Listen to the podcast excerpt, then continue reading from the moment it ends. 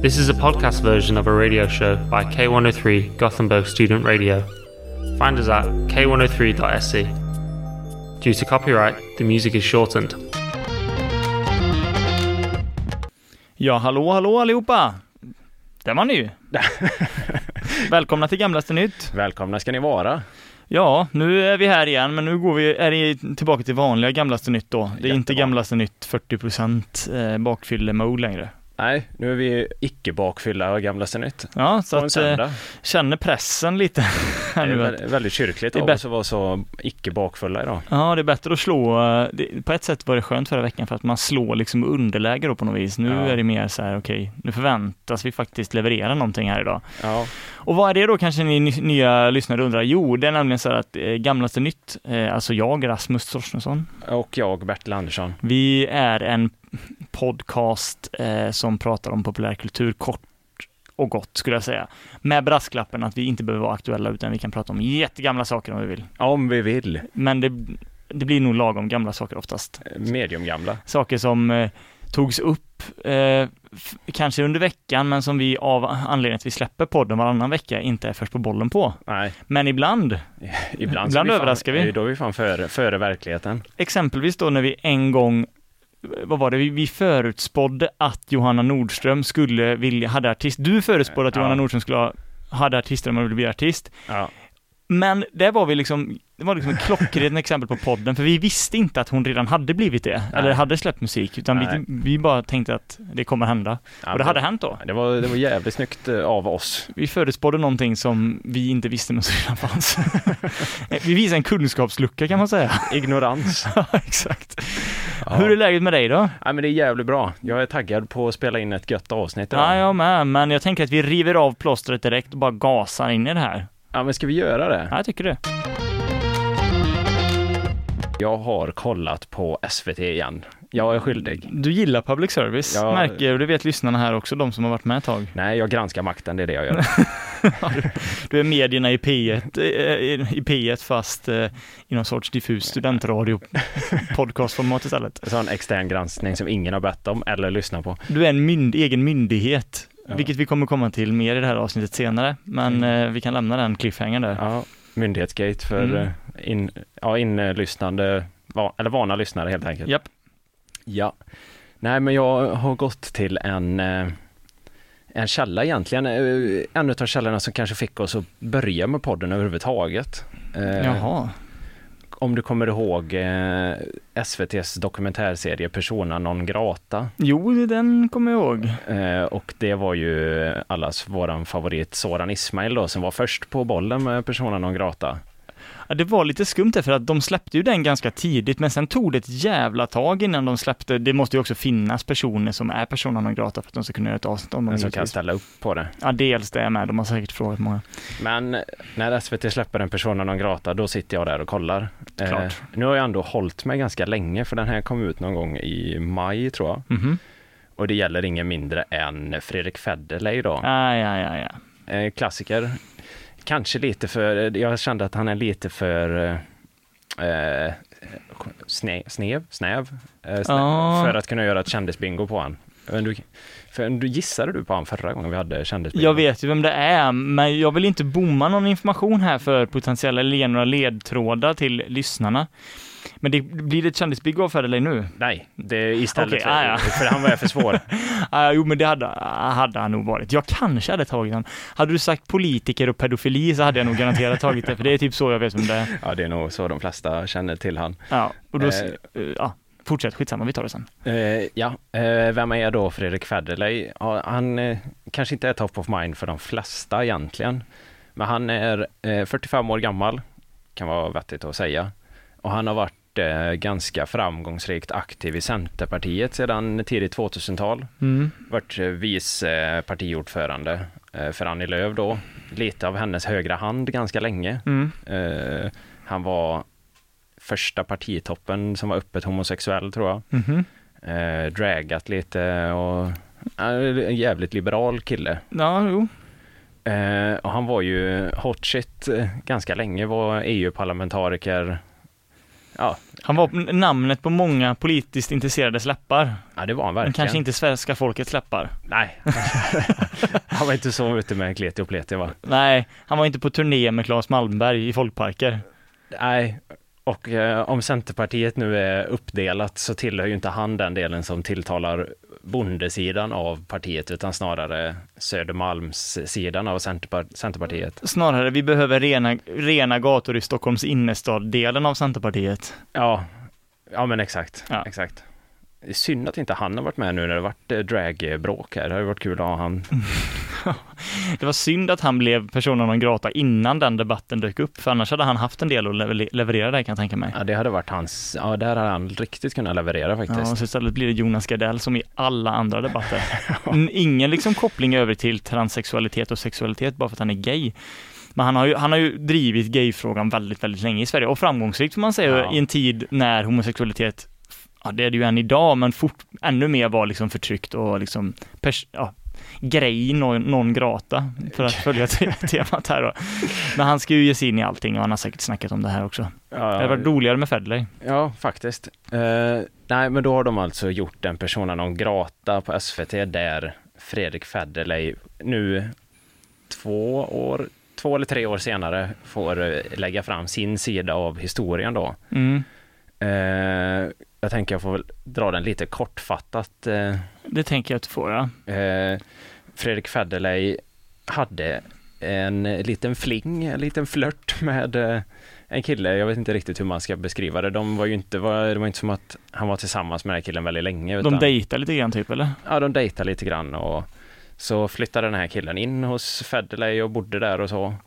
Och sen så kom det ju fram då att eh, hans pojkvän då hade suttit i fängelse i sex år, var villkorligt frigiven nu då under perioden de dejtade. Mm. Det är ju inget konstigt, vi vi lever ju i ett rättssamhälle så att man har ju rätt att komma tillbaka och så. Men det som, eh, det som var, hur ska man säga, det som fick bägaren att tippa över för de flesta, det var ju att den här eh, pojkvännen då, det var inte bara att han hade suttit inne för vilket brott som helst, utan det var ju eh, att han dömts för upprepade grova våldtäkter av barn. eh, det ska ju tilläggas att eh, Federley har en dotter i samma ålder som eh, ja, förövaren. Ja, Förgrep sig på. ja. Eh, om man tänker, ja, usch, det, det, lät, det låter ju ganska illa. Det är en röd flagga för de flesta är det ju. Ja, det är inte bra. Och då tänker man, men hur många grova våldtäkter kan det vara? Ah, 22 hade han blivit dömd för. Åh herregud, var det så många? Det är alltså 22, ja, och då kan man Det ju... är så lustigt också bara i sån här, i sån här kontext för att det så här, hade det varit två, det är inte så att man har varit, ja det var bara två. Nej, exakt, det låter ju vidrigt. Men Allting uppåt låter ju vidrigare, Så, ja, men det är ändå, alltså, det finns liksom ingen riktig skiljelinje där. Det är så här, ja, eh, Konrad körde full en gång, ja ja, fan det kan hända den bästa, ja tråkigt, men det var ju farligt, gör inte om det Konrad. Konrad körde, för, körde full 40 gånger. Ja, fan Konrad, du är ju dum i huvudet. Ja, men det är liksom inte riktigt samma sak när det gäller övergrepp mot barn på något vis. Ja, Nej. du våldtog ett barn en gång. Ja, det är inte som att det blir exponentiellt värre. Nej, det är inte riktigt samma kurva där på något vis. Nej. Men åtminstone så, Det är ganska många gånger 22, oavsett. ja och det vanliga är väl att man blir inte dömd för alla sina Nej, eh, grejer heller så att eh, det kan nog ha hänt mer grejer där ja. det brukar vara att eh, fördubbla hur många man har blivit dömd för. Men Typ vad så. kanske som har hänt egentligen då va. Eh, så där fick ju Federley sig en liten känga då att eh, du borde inte vara tillsammans med den här killen egentligen. Eh, så det är väl bakgrunden. Är det något mer som man borde nämna där då? Alltså det kanske du kommer till, men eh, vad jag vill minnas är väl att han hanterade det här på ett speciellt sätt. Ja, exakt, exakt. Men det Eh, kanske du kommer till. Ja, det är ju, ja, det är ju mer själva ja, det som man får veta i eh, dokumentären då. Mm. Eh, men det, är- det är den enkla bakgrunden. Han blev eh, ertappad med att ha en pojkvän som var pedofil och sen så blev han, eller sa, avsa han sig alla sina förtroendeuppdrag. Eh, klipp till två år senare, personen non grata, SVT kommer och knackar på. Nu gör vi en dokumentär. Så jag undrar nu, innan jag berättar då, vad tror du att Fredrik Federley har för vinkel i den här dokumentären? Jag kan ju vara eh, jag, jag, jag tror att jag vet det, kort sagt. Okej. Eller jag vet vi, vi, jag testar. Mm. Jag, han är ju religiös va? Så Ja. att eh, det handlar väl om förlåtelse, att han, eh, han liksom eh, en viktig del av eh, hans tro är att man måste kunna förlåta människor även om de har gjort fruktansvärda saker på något vis. Är det inte så? Ja det, är- ja, det är ju ganska spot on faktiskt. Ja, det, är- det är något sånt va? Ja, för det verkar som att han är väldigt religiös. Eh, vilket var lite oväntat. Ja, det är, ja. Eh, men eh, det är nästan spot on på eh, taken eh, från Federley då. Mm. Men jag minns inte hur exakt han hanterade det. Alltså det minns, det, det, det, så det är jag väldigt spänd på att höra, hur han gjorde liksom. För jag, det kommer jag inte ihåg, jag vet bara att han gjorde på något konstigt sätt liksom i början. Att Ja, han liksom så här, han, han, han lämnade väl honom inte exempelvis direkt heller va? nej, inte riktigt eh, så. Nej. Han, han eh, höll kvar lite där. Ja, det var övergångsfas. Men eh, nummer ett i det här, det är fortfarande sjukt att SVT producerar den här skiten. För det är helt orimligt att de ska ge Federley en plattform att så här, städa vad som har hänt. För att han har ju varit känd som helt fria händer att berätta om historien och skapa ett helt eget narrativ där han inte ser speciellt dålig ut. Nej, han får liksom inga, inget riktigt mothugg kanske, heller. Han får lite mothugg men det är uppenbart att han Alltså han får väldigt mycket utrymme att eh, sopa bort vad som Ja. skulle kunna vara negativt för han. Mm, jag Och han kan branda sig själv i en ganska ljus dager Ja. efteråt om man säger så. Men han berättar ju att ja, jag eh, eh, visste inte vad han hade gjort, vilket det råder delade meningar om, om han visste eller inte. Han visste att hans eh, pojkvän då hade suttit i fängelse. Eh, och det här tyckte jag var ganska roligt då, för att Federley säger i dokumentären att han frågade sin pojkvän då, för att han ville egentligen inte veta så mycket. Men så sa han, bara du inte har mördat någon. och jag tänker pojkvännen så, tur att jag inte frågade om grova Ah, våldtäkter av barn i alla fall. Tur att han inte frågade om jag hade våldtagit 22 barn 22 gånger i alla fall. Ja, så, så, så han var, nej det har jag faktiskt inte gjort. Så Federley var, ah, okej, då är det ingen fara. Vad är det värsta som kan ha hänt i så fall? Så jävla konstig moralisk. Ja, eh, det, ja jävlar. För det, det återkommer ju hela tiden sen att Federley får frågan ganska många gånger under dokumentären av olika personer att tycker du inte att det är lite moraliskt fel det här? Eh, alltså, ja, och hans eh, svar är jag tycker att det är jättemoraliskt fel med våldtäkter av barn, men jag tänker inte fördöma personen. Det är hans take, att eh, det är fel det han har gjort, men jag tänker inte säga att han är en dålig människa. Och det säger han upprepade gånger. Men det är också en sån sak man kan säga som ingen, alltså det är ju så att sätt- sätta sin åsikt i en återvändsgränd på något sätt. För det finns ju ingenting någon kan säga. Alltså man kan ju komma på mängder av argument som talar för att han inte är en toppenperson den här killen. Ja, Men han behöver ju inte svara på dem då för att han kan bara vidhålla exakt det. ja, exakt. Man ska inte döma någon som har avtjänat sitt straff. Vilket han då inte riktigt hade gjort och han var ju frigiven så han var inte färdig heller. Så det Nej. eh, factually wrong. Eh, men, eh, och då är det ju, eh, vi lever i en rättsstat. Eh, Antingen så får man ju tatuera in pedofil i pannan på någon. Eller så får man låta dem leva ute i samhället. Eh, och det är ju hårddra det lite va? Mm. Eh, skulle man kunna säga. Det är nog svårt, det är, alltså om Federley faktiskt inte talar sanning, att han liksom hi- hit, in, alltså inbillar sig att han inte, alltså att han inte ville veta, eller liksom, det är nog mycket skam och skit han går runt och bär på. Oavsett, ljuger han så måste det vara fruktansvärt att bära, men om man talar sanning så måste han liksom, ah, det är så konstigt alltså. Ja, Ja, jag vet inte, det är bara så skumt att veta att någon har suttit- sitter eller slash suttit inne för någonting och inte vilja veta vad det är. Det är också så här, ja, det är också extremt konstigt för det, det är klart, det hade, inte, det hade väl typ 95% av alla velat veta. ja, Speciellt om du ska typ, dig, alltså någon, ha någon som bor hemma hos dig, att du vill veta, okej, vad, liksom, ja, dejta någon som har haft ihjäl, ja, nu var han inte mördare då vis- visserligen, men så här, systematiskt misshandlat sin partner, bara, Ja. ja. kom in här, du har inte mördat någon i alla fall. inte, Jag är nu, safe här va? inte nu de två veckorna det varit ute i alla fall. Ja, och så har han en dotter också som rör sig i samma, det är, Nej, men i Ja. alla fall, där skulle man ju kunna tycka att Federley är lite hycklande då i och med att han ställde frågan, bara du inte har mördat någon.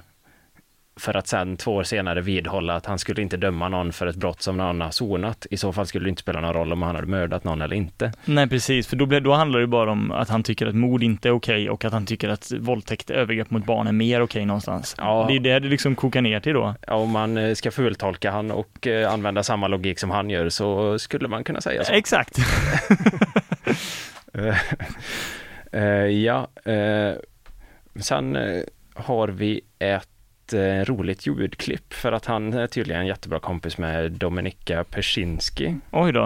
Eh, och hon eh, har ju lätt för att prata, va? eller hon är inte så blyg, vad ska man säga? Nej, hon Så- tjötar på. Så hon ställer ju den enda frågan som eh, ingen egentligen vill ha svar på, men hon ställer den ändå. Är det liksom, är hon, eh, för att koppla till Soran, är hon liksom Kristoffer Appelqvist och Måns Möller och Japp. Snuggen i den här Japp. dokumentären? Hon är den rimliga kompisen ska hon vara då, Mm. ish. Eh, så här kommer frågan som Dominika vill veta svar på. Okej. för de här jävla principerna liksom. Men vill du, förlåt mig, nu ställer jag den här fruktansvärda frågan. Om du vet vad han har gjort sexuellt, gör inte det så att du inte kan bli kåt på honom? Alltså nu är jag jättepersonlig. Ja, Det är ju över alla gränser kan man Men- säga. Det är så jävla märklig fråga. Ja, det är en extremt speciell. Vad har det med saken att göra Dominika? Ja, den är... Ja, jävlar. Att de lät det vara kvar i dokumentären med. Ja, det, det finns ju typ 20 sätt att ställa typ samma fråga, ja, fast inte på det sättet. det är jävla rått. Kan du sitta och klia han i håret och veta att han har våldtagit barn 22 gånger? Det är väl liksom samma fråga fast mindre. Mindre personligt eller Ja. privat. Ja. Nej, det var otro- otroligt. Och han svarar ju uppenbarligen inte på det då. Nej, det, är det ganska, ganska rimligt ja, egentligen. Jo. Eh, så det var en eh, rolig del där. Eh, men det Hur var, var stämningen efter? Det kan du inte spela upp när det finns blir långt, men hur var? ja, det var det sista sen så pratade de inte mer. Nej, okej. Mm. Så det var en givande diskussion och sen eh, det här och sen slut. Okej, ja, det är spe- speciellt. Men de har ju lite så här, Peter Kadhammar, han från Aftonbladet, Ja, han är ju typ straight guy och så här, ger lite objektiv fakta om rättssamhället och sådär. okej. Och sen så kommer en eh, gamlaste nytt-favorit och ska spela, eh, vad, vad säger man, opposition till det här. Mhm. Och då eh, äntrar ingen mindre än Patrik 242. Nej. Nej, det är klart han gör. Han säger egentligen ingenting. Han säger bara åh det är jävla dåligt och jag tycker fan inte det är bra, det är fel, jag själv är utsatt, det kanske ni inte visste men jag har själv varit utsatt och så, ja, allt handlar om Patrik då. Så, såklart. Jag hoppade 242 en gång. Jag hoppade två- t- 2.42 en gång. Nej, nej, nej. Det fanns ett väldigt olämpligt skämt där som jag inte tänkte dra. Okej, ja. Nej, så han var i alla fall med och han sa det som han brukar säga. Folk är alldeles för lättkränkta nu för tiden. Vad fan, eh, det är bara att ta. Jag vet inte riktigt vad det har med saken att göra. Jag tror att han är på repeat egentligen. Ja, men han har väl, han har väl, han är väl som en sån eh, begränsad AI som typ kom 2015 eller något sånt där. Så att han har så här 150 fraser han använder i olika sammanhang med Ja. människor. Ställer man en fråga på ett visst sätt så säger han ändå det blir att han tycker att folk är för lättkränkta. Du- Även, även om det inte har någonting med lättkränkthet att göra. det. Ja. Vet du vad den bästa presenten man kan ge till Patrik Sjöberg är? Nej. Du vet en sånt där eh, hår, hårband, en sån scarf som man kan knyta en knut runt pannan på. Ja. De gillar han. Helst en amerikansk flagga också. Det tror jag är den bästa presenten han kan få. Jag missar det här skämtet nu. Men han har ju, tycker du inte att han har lite biker-aura? Ja, jo, ja, absolut. Han, ja, du menar en sån Hulk Hogan? eh, Ja, mössa? precis, exakt. Men han, han glider ju runt med han Hero från Gladiatorerna. Och båda de, de hade ju lika gärna kunnat vara med i HA som att vara förkämpa mot pedofili egentligen. Ja, ja, ja, det är ju bara så sliding doors. alltså, Ja, det var höjdhoppa, höjdhoppare för Sjöberg och, glad, och eh, gladiatorerna, vad det nu gör en till som för Hero då. ja, exakt. uh, Okej, jag har lite kvar här Ja. Ehm, på Federley. Han är ju som du hade koll på då att han är väldigt kristen. Mm. Eh, och det är tydligen där. De har tagit tillbaka han till kyrkan i alla fall, så han har sitt community där nu. Okej, han är välkommen. Mm, det känns ju tryggt eh, att kyrkan alltid är där för att plocka upp dem. Ja. Eh, men han har ju avsagt sina förtroendeuppdrag. Han är inte kvar i politiken längre, vilket han tydligen ångrar. Men vad gör han då? Nej, det är det som är frågan. Vad tror du han har satsat på nu? Vad är hans nya karriär där han ska försöka eh, separera sig från pedofili? Vad är det bästa yrket att jobba på om man vill inte bli associerad eh, som eh, pedofil? Socialpedagog eller jobba inom socialtjänsten på något sätt kanske? Nej, han eh, går steget längre. Han läser teologilinjen i Uppsala för att han ska bli präst. ja, det är klart han ska. Och om det är någonting man vet om präster är det att eh, deras händer är rena. Det finns någon sorts röd tråd här mellan sådan psykologiplugg och Federleys teoli- teologiplugg va? Ja, ja, ja. Jag vet inte riktigt vad det är, jag kan inte formulera det nu, men det finns någonting där.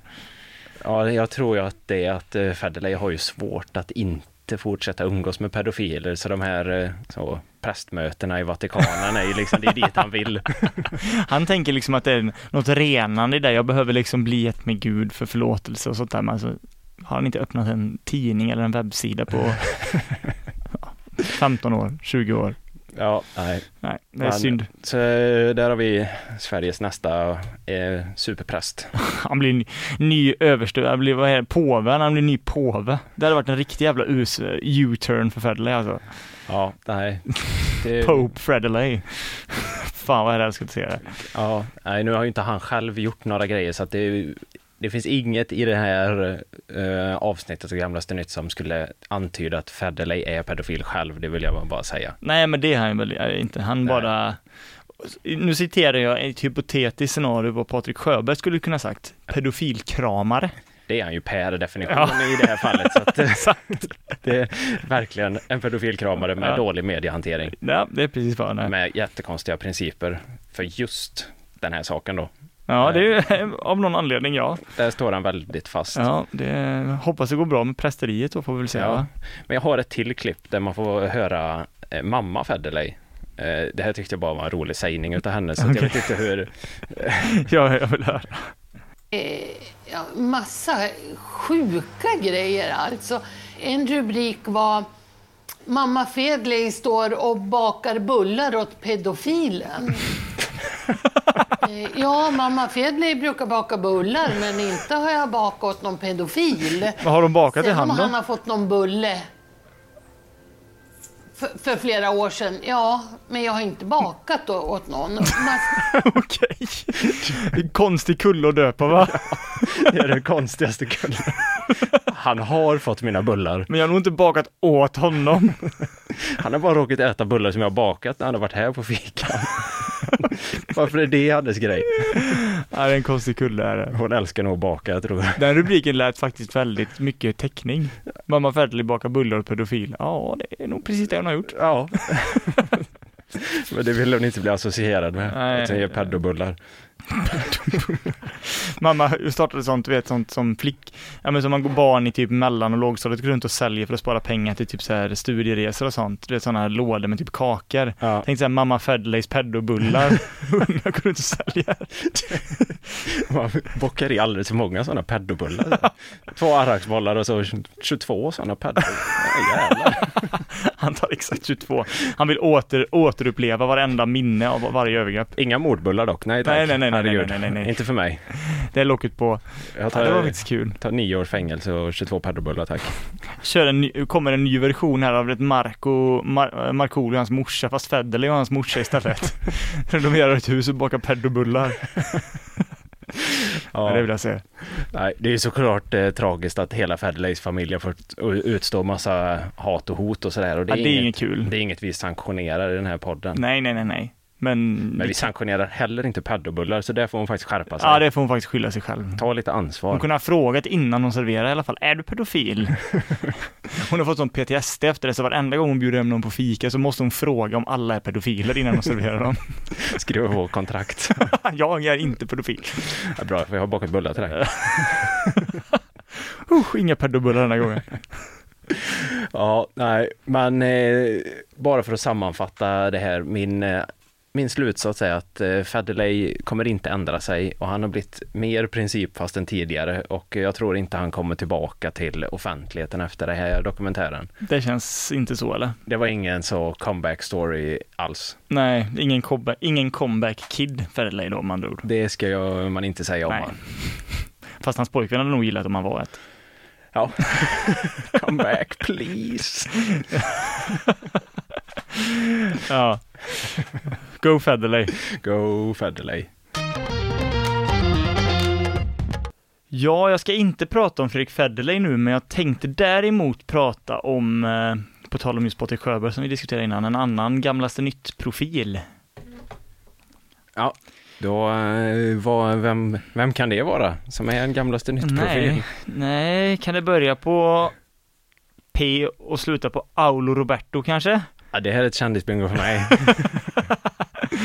Nej, men jag, jag har svårt att släppa honom av många anledningar, men det är ju ett tag sedan vi snackade om han nu och det får det ju inte vara. Nej, det får inte vara att gå för länge mellan eh, Nej, snacken. och ungefär lika länge sedan som vi pratade om honom var han med i en intervju via den här YouTube-kanalen Dialogiskt, Oj. som av någon anledning alltid i sina rubriker på YouTube skriver DLGSKT. Dialogist. Jag vet inte riktigt. Nej, jag vet inte varför de gör det. Men vad tror du, vad, vad har vi på Dialogiskt? Vad tycker du om, vad är det för YouTube-kanal för de som inte vet? Eh, Ja, Dialogiskt det är väl en klassisk eh, sån eh, lite högervriden intervju slash poddare som älskar att prata. Ja, Det- typ. Samtalet ska vinna. Alla måste prata med alla. Fast jag kommer bara bjuda in folk som håller med mig. Fast alla måste kunna ha en dialog. Är det eh, ungefär han? Ja, alltså jag vet inte riktigt vad hans politiska åsikter är. Men, men känslan när man ser vilka som är där är ju mycket att, alltså han bjuder ju, han bjuder ju bara in folk Alltså jag tror han vill labla sig själv som att han bjuder in folk som inte får ett forum någon annanstans. Men det är ju Ja. säkert också en väldigt medveten affärsstrategi för att han vet att då kommer jag få massa klick. Om jag låter den här personen prata utan att bli avbruten i en timme, så alltså han bryr sig inte om vad de säger. Nej, nej, nej. nej. Så Han på så vis är den ju det på ett sätt, för det är ju det är bara bard och det är kriminella, eh, ex-kriminella eller kriminella och högerprofiler som är där. Ja. att, Jag har aldrig kollat på ett enda avsnitt av Dialogiskt så jag vet inte eh, riktigt hur snacket brukar gå men det var min gissning. du var ganska nära skulle jag säga. det är det öppna samtalet. Ja, Du eh, var mer spot on än du tror tror jag. För eh, ja, den drivs ju av Victor Almeida då, en eh, före detta heroinist och missbrukare kriminell som kom clean och sen dess har påbörjat någon sorts, ja men redemption arc. ja, Sådär. Men nu är Paolo med, för månad sedan var Paolo med. Och jag upptäckte detta på, på Snapchat för jag såg ett sånt där litet snippet, du vet, ett utdrag från, från intervjun och då tänkte jag, men det här måste jag lyssna på. ja. Eh, så att, ja, såklart på samma tema, det blir lite persona non grata här också. Ja. Eh, för att eh, det är ju nu över tre år sedan, ja, tre och ett halvt år sedan snart, som Paolo var med i den här lilla, ja, sexköpskrisen. Men vad, är det så länge sedan? 2020, våren 2020. Skojar du? Tiden går fort. Det var något roligt. Ja, jävlar. För de som inte vet då, det känns som att de flesta vet, men Paolo Roberto åkte dit för att köpa sex eh, i Stockholm Ja, för tre, snart tre och ett halvt år sedan. första gången det är ju, ja, Absolut första gången. tilläggas. Ja, han hade aldrig gjort det innan. Nej. Det var lite, ja. Så jag tänkte lite så här bara, eh, jag blir nyfiken på hur han har hanterat den här krisen nu då, liksom när det har gått en tid, liksom, tror du att han har mognat eh, liksom, i sin ånger och liksom försöker ändra på sättet hur han ser på människor, eller inte? Jo, men han känns som en sån eh, kille som tar åt sig eh, feedback och kritik ganska bra. Eh, du, det, kän, det känns så va? Ja, han är inte den som kör huvudet i sanden och tror att alla är emot honom, eller så. Nej, han är inte den personen som typ argumenterar emot sin psykolog. Nej, precis. Han säger någonting till psykologen, psykologen typ nickar instämmande och så börjar han argumentera emot direkt. Ja, Typ så. Men jag blev liksom så här, okej, hur, hur låter det då när Paolo ser tillbaka på det här som hände? Så att jag tänkte spela upp några, några utdrag då ur den här eh, intervjun så får vi se vad du tycker. ja. Första är ganska långt, eh, men vi ser väl, eh, ja, det är lite under en minut. Vi ser här, vi lyssnar bara så får vi se helt enkelt. ja. Och att vi pratar inte om offren, för det är ett offer, beroendeställning och så vidare. Har du någon tanke kring henne? Ja, men så här, jag sa det rätt dåligt i den här intervjun, att när jag fick den här frågan, så här, tror hon var där frivilligt? Inte helt frivilligt, så här. Eh, och det, det, det, var- felformulerat. Alltså, det var inte ingen som tvingade där. Alltså det finns ju trådar på, på Flashback om henne. Så här, hon handlar på NK, hon har det bra. Men, men så Va? vad jag ville säga så här, hon, om hon fick välja mellan du vet, Det livet. det livet eller ett annat liv. Hon har gjort en del val i livet som har tagit henne dit. Eh, Och sen har jag också fått skä- skäll från prostituerade, deras föreningar, som säger så här, fan, de frågar aldrig oss eh, eh, vad vi tycker. På tal om Federley-argument. Så det, det, Ja. är, det, det är svårt att säga liksom, eh, vad som är vad och vad hon är och, och så vidare. Men när jag var där, så, det upplevdes inte som någon som hade... Eller hon var inte dit. Det var, det var en lyxvåning, det var fina kläder. Och det är klart man inte ska köpa. Lyxvåning, fina kläder, Flashback. Ser du någon röd tråd här? Eh, ja, han hade tydligen inte riktigt kommit till sans med vad det var som var fel egentligen va? Nej, det, det är fel att köpa sex, jag har erkänt, men det är, all, det är ändå inte mitt fel. Nej, Det brukar kallas denial va? Ja, jag tror att han är kvar i det stadiet, att hon hade det väldigt bra i alla fall. Ja, eh, för att sen så lite senare, nu- börjar de ju prata om det här då och sen så här lite senare så kommer liksom, kommer det på tal igen och då låter det, då låter det så här. Du, du kan nog säga vad de vill om, men det finns det också. Jag, jag vet inte. Men jag utgår från eh, för mig själv att jag upplevde som hon var där frivilligt, 100 procent. Annars skulle inte jag skulle jag gått därifrån. Va? Jag upplevde det så till 100 procent. Ja, jo. Kan man göra det? Att man upplever, jo det kan man väl? Ja, men han upplevde det till 100 procent. Att hon var där frivilligt. Ja, just det. Och Han känner ju henne så. Så. Han har ju bara haft, han har ju bara köpt sex en gång. Ja, han... Ja, just det. Det var ju konstigt vad det är han jämförde med egentligen. Nej, men alltså Paolo har inte, det här var egentligen bara en liten bonusgrej. Och vi har en sista bonus-bonusgrej innan Ja. jag ska ta upp det jag egentligen ska prata om. Men det är i alla fall då, som du var inne på den här programledaren, jag har liksom inte fått så mycket om honom eller vad han är för typ av filur, men ja men den här Victor Almeida då i alla fall, han är ju, han är nog ingen raketforskare i alla fall, tror jag. Och om du lyssnar här nu så kan du verkligen se hur när Paolo ställer en fråga till honom här om feminism, för det Mm. blir ju mycket politikprat också- också i det här avsnittet, där man kan verkligen höra hur Viktors hjärna jobbar in tusen tankar och alternativa scenarion i sekunder när han ska svara på den här frågan och så landar han tyvärr då i det här svaret. Om Okej. du lyssnar här nu. På något som de säger inte finns. Nej, men om, man säger, om man säger så här, ja, men kvinnor, kvinnor har sämre betalt än män. Har de det? Eh, Det beror på i vilka aspekter. Alltså, nej, tror jag inte. Nej, jag tror löneskillnaden är 1,5 procent. Det beror på vilka aspekter. Alltså, nej, nej, det tror jag inte. Det tror jag inte. Han tror inte kvinnor tjänar mindre än män då. Nej, nej. Nej, raketforskare som, som sagt. Ja, det tror han inte, nej. Nej, men då så eh, Paolo pratar ju som sagt då mycket om politik och vad han då beskriver som militanta feminister. Mm. Men istället för att göra en redogörelse för allting som han går igenom i, den här, i det här avsnittet, vilket skulle vara för långt och för tradigt, Ja. så tänkte jag liksom dra tillbaka det till de här myndigheterna som Pa- Paolo hatar så mycket. Ja. Och då vet ju gamla lyssnare vad vi menar på, men för nya lyssnare så innebär det att vi har tidigare spelat upp ett, en intervju med Alexander Bard och Paolo Roberto när han säger att han hatar myndigheter och vill ta bort minst 60 myndigheter. Ja. Så att jag tänkte egentligen då ta upp fem myndigheter som Paolo Roberto definitivt hade strukit Okej. om han fick bestämma för att, för att visa lite någonstans vad han, vad han inte gillar liksom då. Ja, ja, men det låter, det låter bra. Jag tänkte börja här då. Eh, Bolagsverket. Det finns ingen liksom, rangordning här utan Nej, nej, nej. Bolagsverket.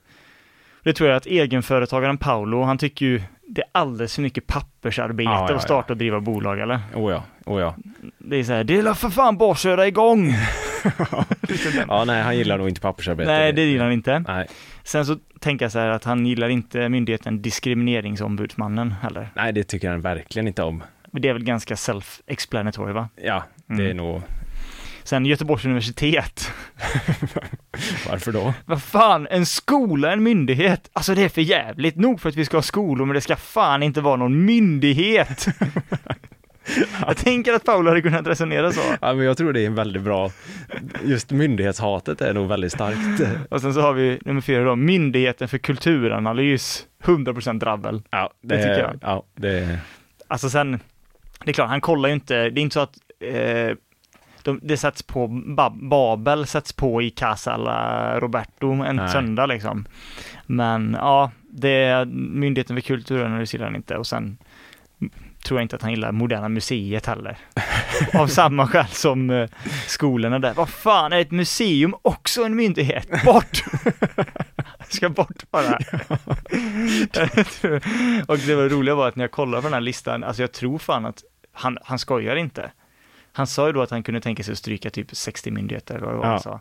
Och jag tror nog han kunde stryka 80 om han fick bestämma. Så det var mycket det jag tänkte, ja, det här hade inte Paolo velat ha kvar. Nej, det, nej, hade bara velat ha pa, kvar Paolo-myndigheten. Men tror du inte att, typ så här, för jag var nära att ta upp så här myndigheten, för kustbevakningen liksom. Mm. Men känns inte det som någonting Paolo ändå liksom respekterar? Då? Jo, jo, jo. Han gillar ju Top Gun. Han eh, romantiserar ju det 100 procent. Jag tänker det, men så här, ja, ja men de männen och kvinnorna där ute, de, de gör en insats. Allting som har någonting med något fysiskt att göra, Ja. det, det tycker han Det är är bra okej. myndigheter. Och sen allt som handlar om att tänka, det, det tycker han inte. Dåliga myndigheter.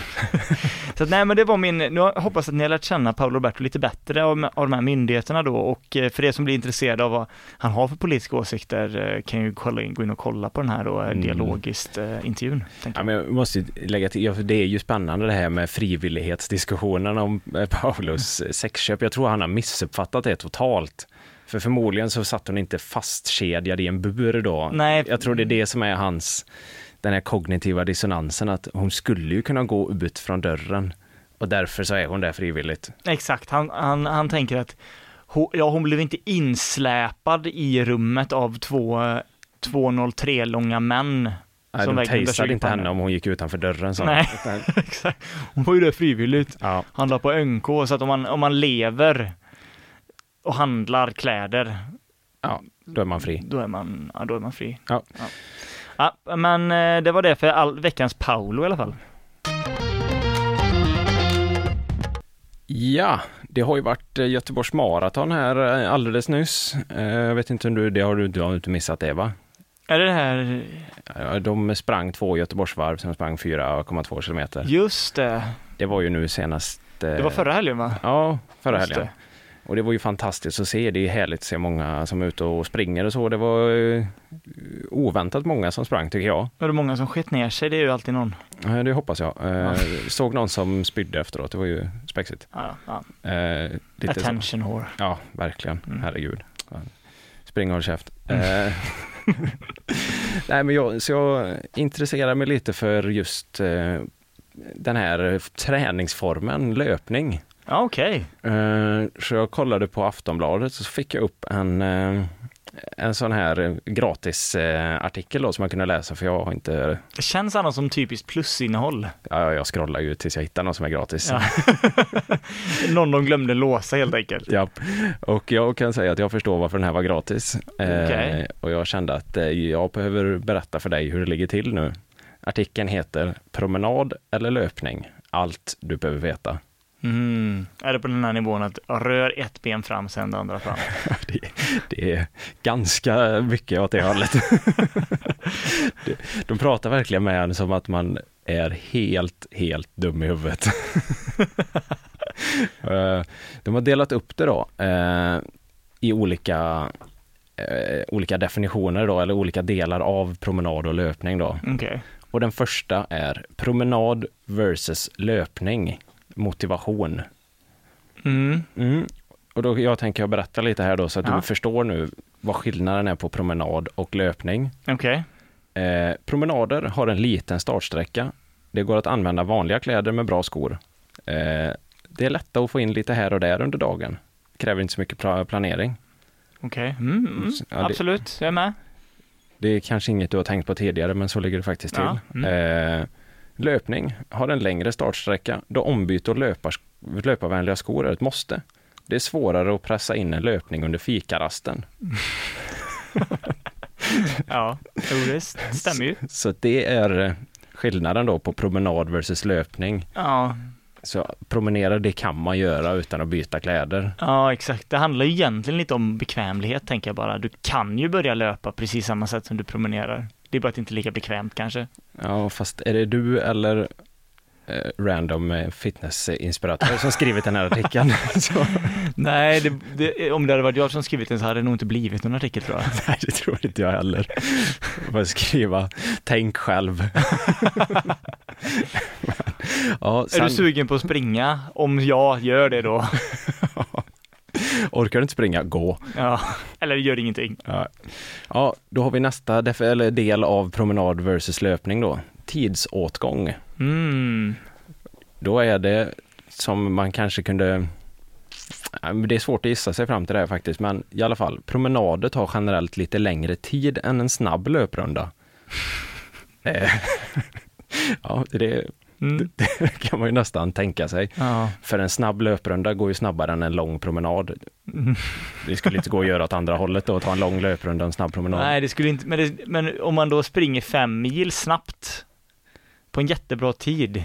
Ja, då är det ganska bra tidsåtgång också. Ja, jag tänker det. Men det, Eh. de, de tänker snabb löprunda som en jävligt snabb löprunda. Ja, nej, och löpning då, det är tidseffektivt och ger stora, stor effekt både vad gäller förbränning och hälsopåverkan på relativt kort minut. Eh, så där, Mm. ja. Så man kan springa typ 30 sekunder är ju relativt kort minut. Så att om man springer 30 sekunder så... så behöver man inte gå Nej, på den dagen. Nej. Eh, nej, men eh, den var lite lurig. Men nu, nu kommer den som är ytterligare svårare att hänga med i då. Eh, promenad versus löpning, skaderisk. eh, jag tror inte, du, tror inte du kan gissa dig till den här, men Nej. promenader har väldigt liten skaderisk och de flesta klarar av att gå.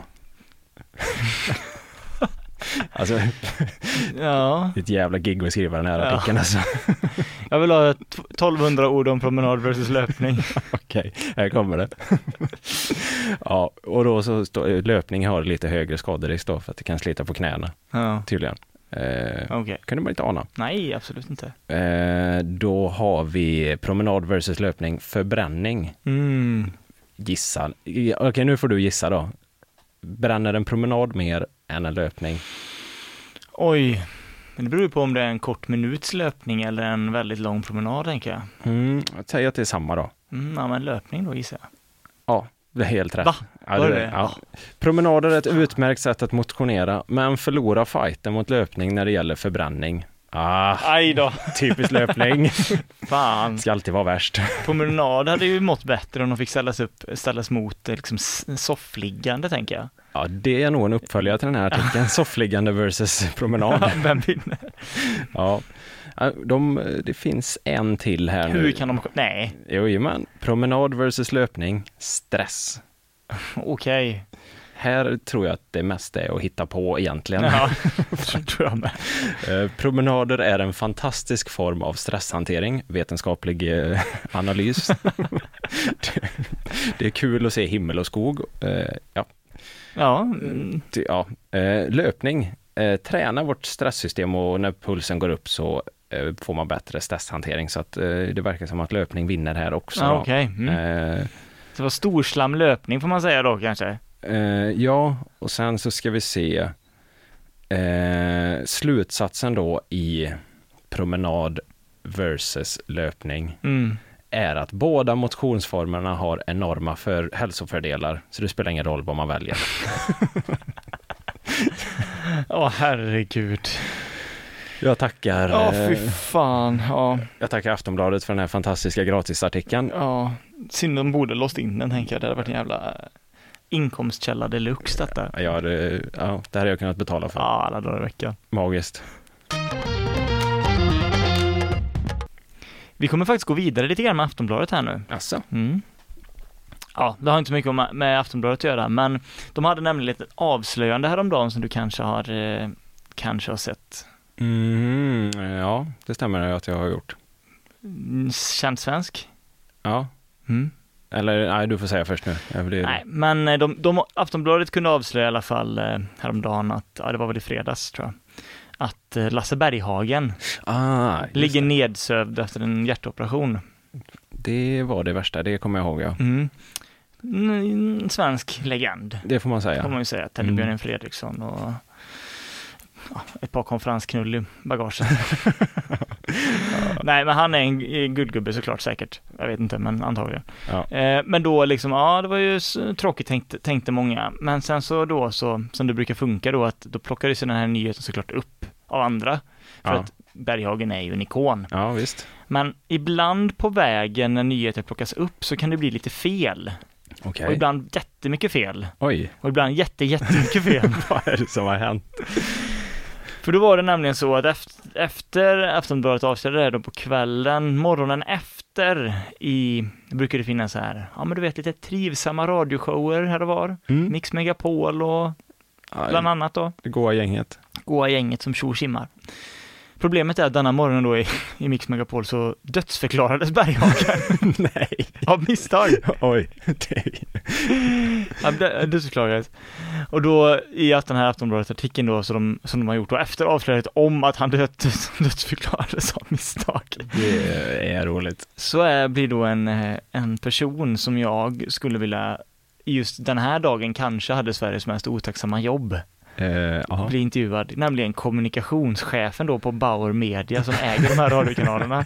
Aj, aj, aj, aj, aj. Och då blir de citerade här först då. Och så går ingressen så här. Igår kunde Aftonbladet berätta att Lasse Berghagen ligger nedsövd efter en hjärtoperation. Men under morgonen dödförklarades han i några av Sveriges största radiokanaler. Av misstag. Och då säger den här Anna Schrana, nej Krona är det ju fast med, med H. Eh, Det är fruktansvärt att det skett. Och så längre ner då så, så förklarar de här. Under morgonen dödförklarades den populära artisten Lasse Berghagen i samtliga Bauer Medias radiokanaler, bland annat Mix Megapol, Energy och rockklassiker. Ja. Det stämmer att det gick ut en nyhetsfeed som produceras av TV4 hos oss. Det är fruktansvärt att det skett, men det stämmer att det har sagts. Men, hur kan det göras? Nej, jag, jag förstår inte. Och då är det fyrans förklaring då, för hon, hon lägger ju alltså det. Det kommer göras en stor utredning för att stoppa att det här kan hända i framtiden, eh, men det är TV4s nyhetsfeed. Det är TV4s nyhetsfeed, men det är vår sändning, säger den här Anna Krona då. Mm. Så då passas bollen då givetvis vidare till fyran, Mm. Mm. Mm. där eh, chefen då, eh, nyhetschefen, Fredrik Malmberg, säger att felet upptäcktes innan radiosändningen, men att nyheten då inte gick att stoppa. Och så står det här, nyhetsuppläsaren har skrivit fel och sen kommer han på 20 minuter innan sändningen att det blev fel och försöker stoppa sändningen. Men Bauers Medias teknik är hela automatiserad så det gick inte att stoppa. Det tycker vi är väldigt olyckligt. Ja, det kan man ju lugnt säga att det är lite olyckligt. Och när jag läste detta då så tänker jag att nej men hon hade nog inte Sveriges sämsta arbetsdag den dagen. Nej. Utan hade antagligen den nyhetsuppläsaren på fyran. Fan, man går upp och är lite groggy på morgonen så, åh, Lasse Berghagen, han ligger, han är död. Ja, ja, han är död. Lasse Berghagen är död. Fy fan vilken ångest! Ja, Berghagen hjärtoperation nedsövd. Han är död, död, död. Ja, han är, Lasse, Lasse Berghagen, en svensk ikon, har nu dött på Södra Latins sjukhus efter en hjärtoperation.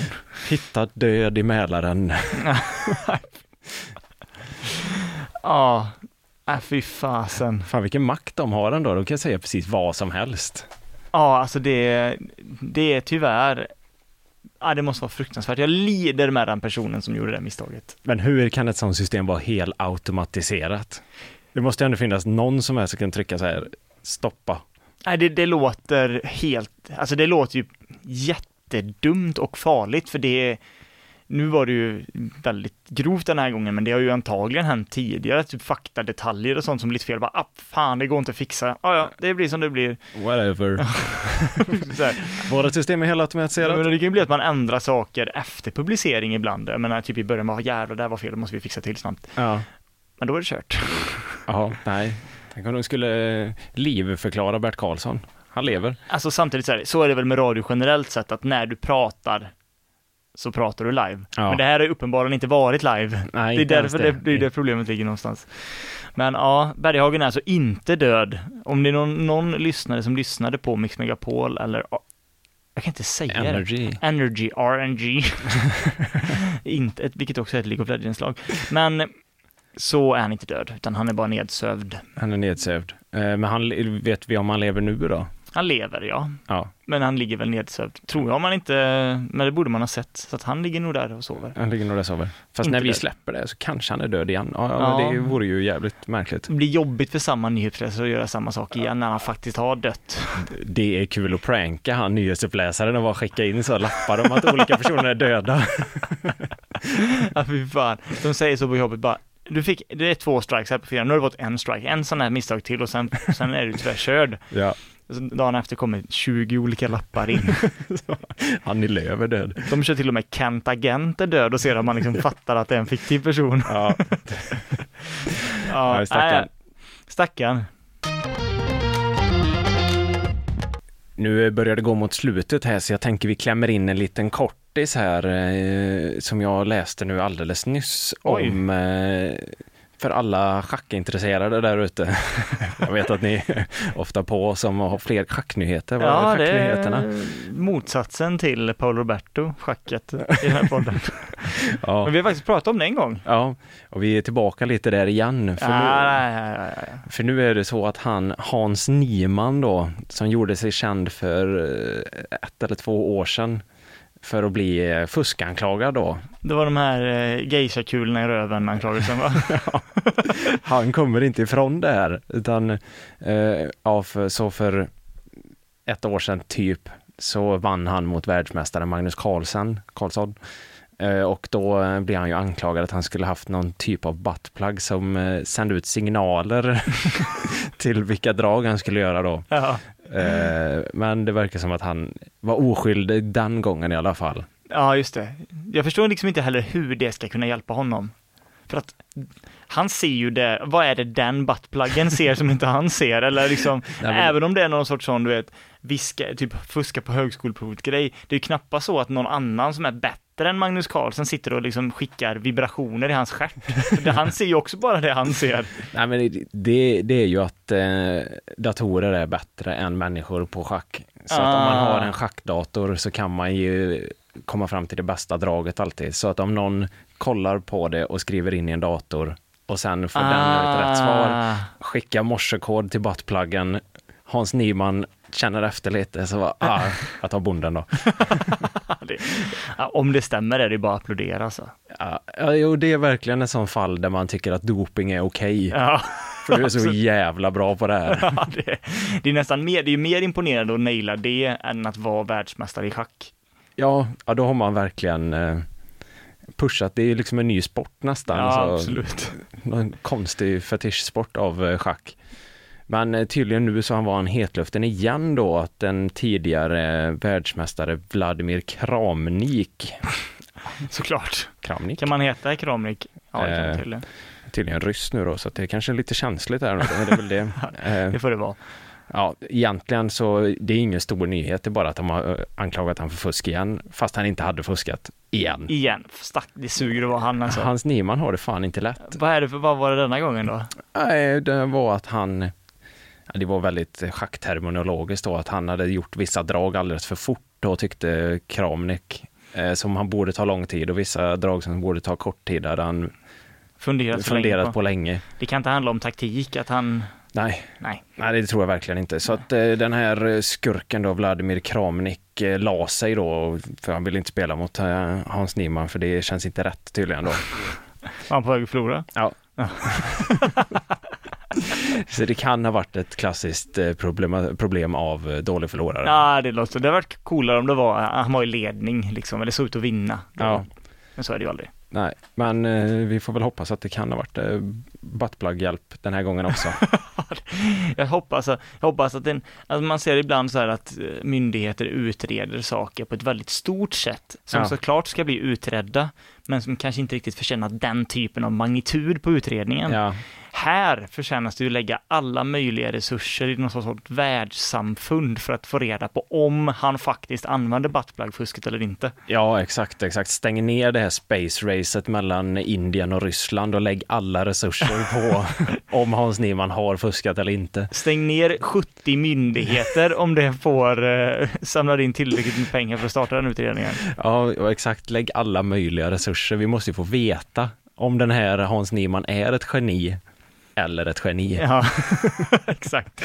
Jag tycker att eh, det där blir en ganska bra avslutning på den här podden om inte du miss... Eh... Nej, men det låter högst rimligt. Men vi säger väl så här då att vi tackar er för denna vecka och om ni lyssnar på detta vilket jag hoppas att ni gör, för annars får ni inte den här informationen annars ändå. Men nämligen så att den 27 september så kommer Gamlaste Nytt spela in en live Podd. live-podd. Live, live, podd. Alltså fysiskt live och, och live. Ja, Här i Studenternas hus i Göteborg, eh, klockan, med start klockan fem va? 17.00. 17.00 den 27 september, Studenternas hus. Så att om ni vill komma hit och se oss eh, Svettas. svettas ordentligt så är ni hjärtligt välkomna. Det är gratis inträde så att det är bara, bara komma hit och eh, se glada ut. Ser glada ut och så får ni kolla på den här tågkraschen som Ja. kommer. Exakt. Det kommer, Det kommer. oroa er inte. Men vi säger väl som vi brukar säga. Ha det gött. Hej! You've just heard a podcast version of a radio show by K103 Gothenburg Student Radio. You'll find all our shows at k103.se. Follow us on Facebook or Instagram. Stay tuned.